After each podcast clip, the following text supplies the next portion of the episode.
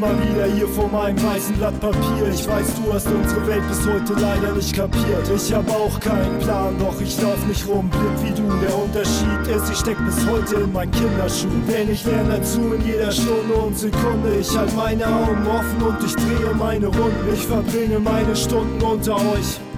Und ich sehe, dass die Wunder dieser Welt euch nicht erfreuen. Denkt doch, was ihr wollt, er ist nicht angepasst und sonderbar, der Einzelgänger, bei dem noch nie was auf dem Konto war. Ich weiß, ihr könnt es nicht verstehen, wenn andere Menschen anders denken. Da, wo eure Standards enden, lasst ihr euch von anderen lenken. Fangt doch endlich an zu denken, schaut euch um, nehmt es wahr, bildet euch eine Meinung, fragt euch selbst, geht das klar? Glaubt ihr wirklich, dass es stimmt, was eure Tageszeitung schreibt? Ihr seid Futter für die Schlangen, sie fressen euch mit Leichtigkeit.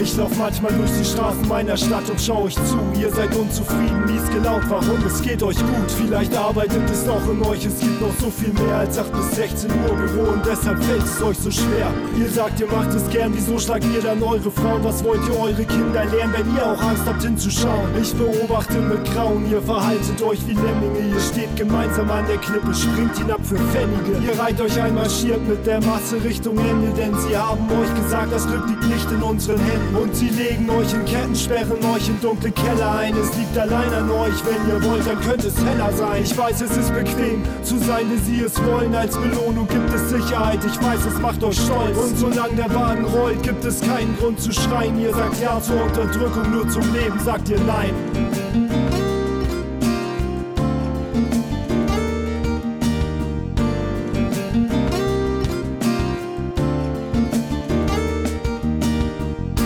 Ich laufe unter Bäumen, schau mich um und seh das Gleichgewicht und frage mich, wieso funktioniert das bei den Menschen nicht? Wir sind nicht der Schöpfung Krone, wir sind ein Versuch und Gott muss sich heute ärgern, dass er uns damals erschuf.